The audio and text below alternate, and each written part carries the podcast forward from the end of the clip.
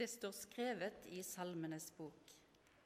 Herre, hør min bønn, la mitt rop nå fram til deg. Skjul ikke ansiktet når jeg er i nød. Vend øret til meg. Skynd deg, svar når jeg roper. Slik lyder Herrens ord. Og bønn, det er en måte å være i kontakt med Gud på. Bønn er en mulighet til å tenke på det som er godt, og det som er vanskelig i livet, og å snakke med Gud om det. I gudstjenesten så ber vi sammen for livet, skaperverket, verden og fellesskapet. Paulus han skrev i sitt første brev til Timoteus noen forskrifter om gudstjenesten, hvordan en skulle gjøre det. Og En av forskriftene lyder sånn som dette. Jeg formaner dere fremfor alt til å bære frem bønn og påkallelse, forbønn og takk for alle mennesker. Så hvis du noen gang har lurt på hvorfor ber vi så mye i gudstjeneste, for det gjør vi i starten og midten og underveis og på slutten, og hele tiden ber vi, så ser jeg at Paulus allerede sa men det skal dere gjøre. Men eh, når ikke vi er her på gudstjenesten, da, hva gjør vi da? Ber vi? Hvordan ber vi, eller hvor ber vi? Hva ber vi om? Og hva rolle har bønn i livet? Så tror jeg at det er sikkert like mange svar på det som det er mennesker her i kirkerommet i dag. Og faktisk ganske mange flere enn det òg. Men det oppleves som ganske privat, det med bønn. Så det er ikke alle som har lyst til å snakke til så mange her om det, sin egen bønn. For bønn er jo vår private samtale med Gud. Og kanskje noen ganger tenker vi litt sånn at eh, bønn og vårt bønneliv sier litt om hvor gode kristne vi er, eller ikke. Så vi har ikke så lyst til å sammenligne oss med andre. Det kan oppleves litt vanskelig noen ganger å få tid til bønn i hverdagen. Eller hvis jeg skal si det sånn for meg sjøl, så er det kanskje ikke noe problem å ha tid til litt bønn. Jeg får jo til og med gjort det her på jobben min. Men eh, det som jeg ikke alltid har tid til, det er jo det som følger med. For ber jeg om ting som gjelder andre mennesker her på Lura, så kan du være sikker på at jeg treffer de på Lurabyen på Kvadrat. De stopper når jeg skal gå over veien. De kommer syklende mot meg eller inn på kontoret. Det er noe som skjer.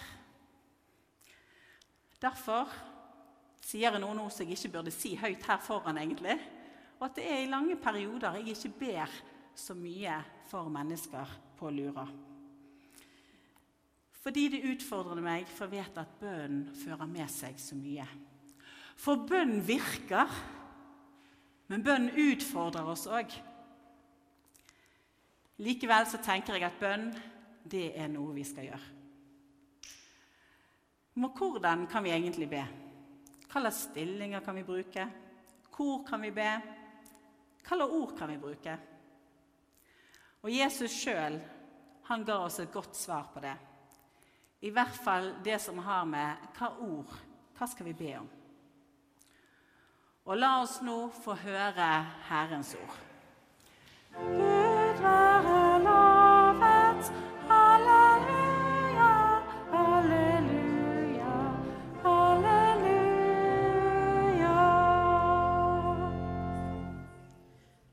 Det står skrevet i det hellige evangeliet etter Matteus. Slik skal dere da be. Vår Far i himmelen. La navnet ditt helliges. La riket ditt komme. La viljen din skje på jorden slik som i himmelen.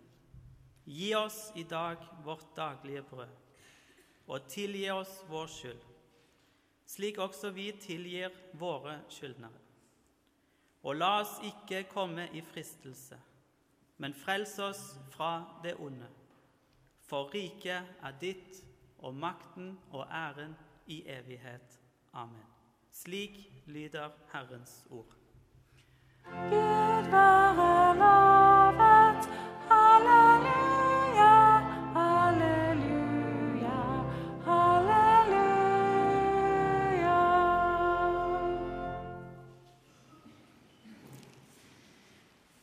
Det var altså ordene som Jesus ga oss, som vi ber på hver eneste gudstjeneste. Og det er den bønnen som brukes av kristne i hele verden. Og Jeg har vært med på å be den høyt sammen med mennesker der vi brukte rundt 40 språk da vi ba. Likevel så visste vi hva den ved siden av oss ba om. Og så er det noe med rytmen i Herrens bønn som gjør at vi kan eh, kjenne den igjen faktisk på de fleste språk, om ikke du egentlig skjønner et kvekk på det språket. Så skal ikke vi ta for oss Herrens bønn eller de ulike bønnene i dag eh, i denne gudstjenesten, eh, for det vil ta litt for lang tid. Men eh, den hjelper oss altså til å gi oss noen pekepinn om hva kan vi be om. Men hvordan eh, kan vi be? For det er jo ikke bare med å si ord høyt at eh, vi kan be. Og Nå er det noen fra Lys våken som skal gå til noen bønnestasjoner her. Og så skal de få si litt om det. Vær så god. Og Samtidig så blir det en presentasjon av eh, Jon, du skal litt seinere. Ja. Samtidig blir det en bønne, presentasjon av de bønnestasjonene så vi kan ta i bruk under nattverdsfeiringen litt seinere. Da begynner vi med Olav her borte med lysklubben vår. Ja. Vi kan tenne et lys i bønn.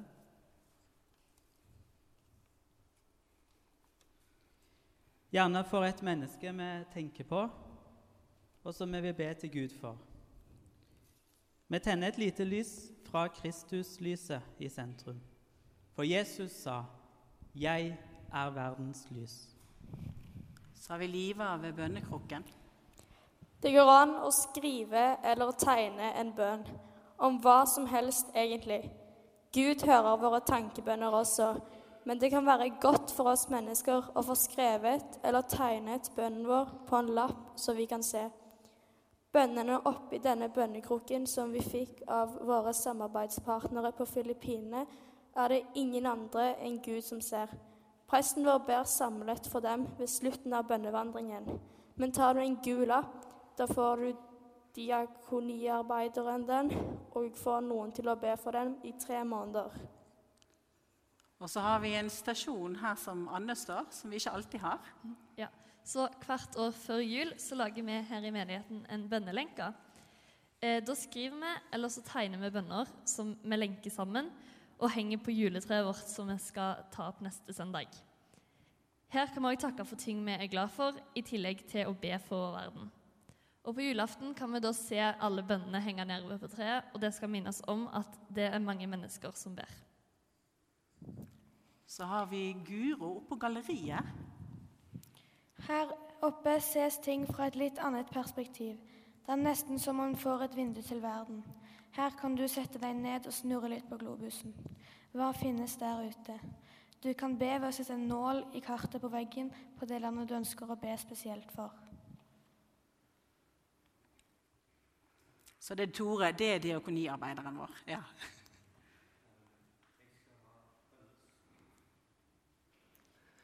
Bønnestasjon i hjørnet til venstre for orgelet. De som ønsker å komme fram og bli bedt for, kan gjøre det. Og så fins det mange mange flere måter å be for enn de som er presentert på de bønnestasjonene vi har her i dag. Eh, men Tore, kan du si noe om noen måter som du har vært med å be på, og som du ber på? Ja, jeg tenker jeg begynte å be kanskje når jeg var konfirmant. Jeg lærte Fader vår. Men seinere ble jeg litt kjent med det som kalles for stille bønn, eller kontemplativ bønn. Og hvordan kan en bønn være uten ord?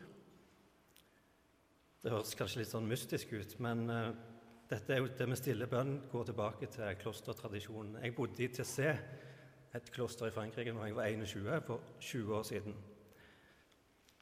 Stillhet er godt, og av og til så trenger vi stillhet for å lytte til Gud. Stillheten er ikke uten motstand, men den bringer oss inn i nye landskaper. For meg har det opplevd som en fred å ikke kunne be uten at jeg skulle formulere noe, eller at jeg skulle prestere noe.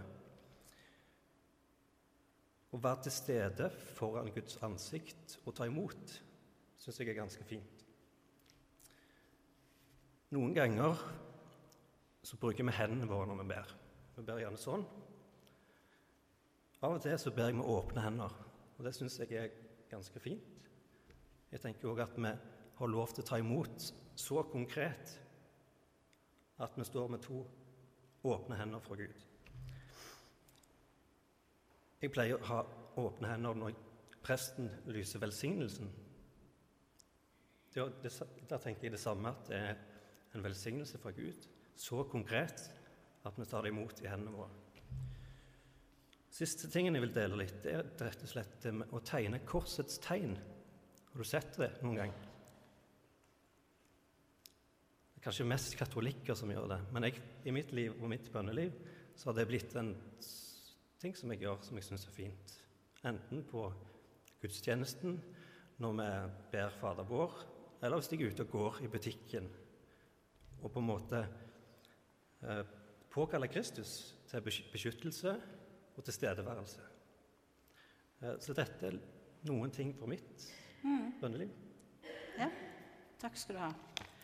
Så er det jo litt sånn at eh, jeg ser Gud i hver av dere som er her. Men så kan jeg ikke egentlig se Gud sånn direkte. Sånn at jeg, når jeg snakker, så får jeg svar med en gang. Så jeg lurer litt på hvordan svarer Gud egentlig på bønn? Og nå vil jeg spørre Guro. Kan du komme og fortelle om en gang som Gud svarte deg på en bønn? Eh, for noen år siden så forsvant katten min. Og jeg ba og ba om at hun skulle komme tilbake. Og etter åtte dager så var det en nabo som fant henne. Takk skal du ha. Og det opplevde du som et bønnesvar. Det delte du med oss i går. Og Olav? Ja, alle bønnesvar det er underfulle tegn fra Gud, om de er små eller store. Det kan handle om å finne igjen noe, noe eller noen som vi elsker, eller å finne igjen seg sjøl. Mens vi liker å tenke smått og mangt, så tenker Gud alltid større. Og fra mitt liv så er det våre tre barn så er det største bønnesvaret fra Gud. For etter å ha mista to barn i mors liv, så svarte Gud på bønnene våre ved å gi oss en gutt den tredje gangen. Og etter å ha fått to barn, så mista vi enda et barn. Og så skjedde det at det, det ble en legene mente at det var en graviditet utenfor livmoren. At det ikke ville bli noe. Og det var kommet til den dagen da fosteret skulle skrapes ut. Og vi hadde bedt mye, og mange hadde bedt sammen med oss. Og til slutt så gikk legen med på å sjekke en siste gang. Og da var barnet Da var alt sånn som det skulle være. I dag er hun seks år, hun er jenta. Så bare med 1 sjanse, det er nok hvis vi tror 100% Takk skal du ha. Men det med bønnesvar det kan være vanskelige ting. Noen av dere som har bedt noen ganger, vet det. For det kan være vanskelig å forstå svarene, og så kan det ta så lang tid. Og hva hvis du opplever at du ikke får svar? Mens du hører, f.eks. som Olav forteller her, at han fikk svar, eller de fikk svar. Gud, jeg ber deg. Det var temaet for gudstjenesten i dag. Noen ganger er vi helt fortvilt når vi ber til Gud. For det er ikke så lett, det der med bønnesvar. Det kan skape stor begeistring når vi får det, og det er liksom kanskje et svar som er det vi har bedt om og forventer oss. Og så kan det òg mangel på bønnesvar kan gi, gjøre oss dypt fortvilet. Vi kan be og be om noe som er kjempeviktig, og så kommer det ikke så er det sånn at vi som sitter her, vi mennesker, vi lever etter syndefallet, som vi kan lese om tidlig i Bibelen. Og det gjør at verden er ikke perfekt, vi er ikke perfekt, livet er ikke perfekt. Så vi får ikke alltid de svarene vi har, ønsker oss. Vi får ikke alltid sånn som vi vil det. Og det er dessverre en del av livet. Men det betyr ikke at Gud ikke hører oss. Vi kan få små svar, som ikke er det store svaret som vi egentlig håper på, men som likevel kan gi oss håp, som kan hjelpe oss. For bønn det er en flott ting som Gud har gitt oss. Og så er jo bønn egentlig mer for vår skyld enn for Guds skyld. For Gud er vel oppdatert på ting uansett om vi kommer med det i bønn eller ikke. Men det å be, det gjør jo noe med oss òg. Det som vi da tenker på og bringer frem i bønn. Bønn gjør oss lys våkne for Gud og for andre mennesker. Nå skal vi snart sammen gjennom sang få be Gud om å høre våre bønner. Og mens vi synger, så har Lys våken Dere kommer frem til plassene. En liten eh, tegnspråksdans til. Det er ofte sånn at Når vi tenker på bønn, så tenker vi ofte ord. Men gjennom dans kan bønn bli en kroppslig ting. Og noen ganger en ordløs bønn. Litt sånn som Tore snakket om òg. Og i dansens bønn så ligger òg hvilen i rytmen, gjentagelsen og ikke minst Guds nærværet.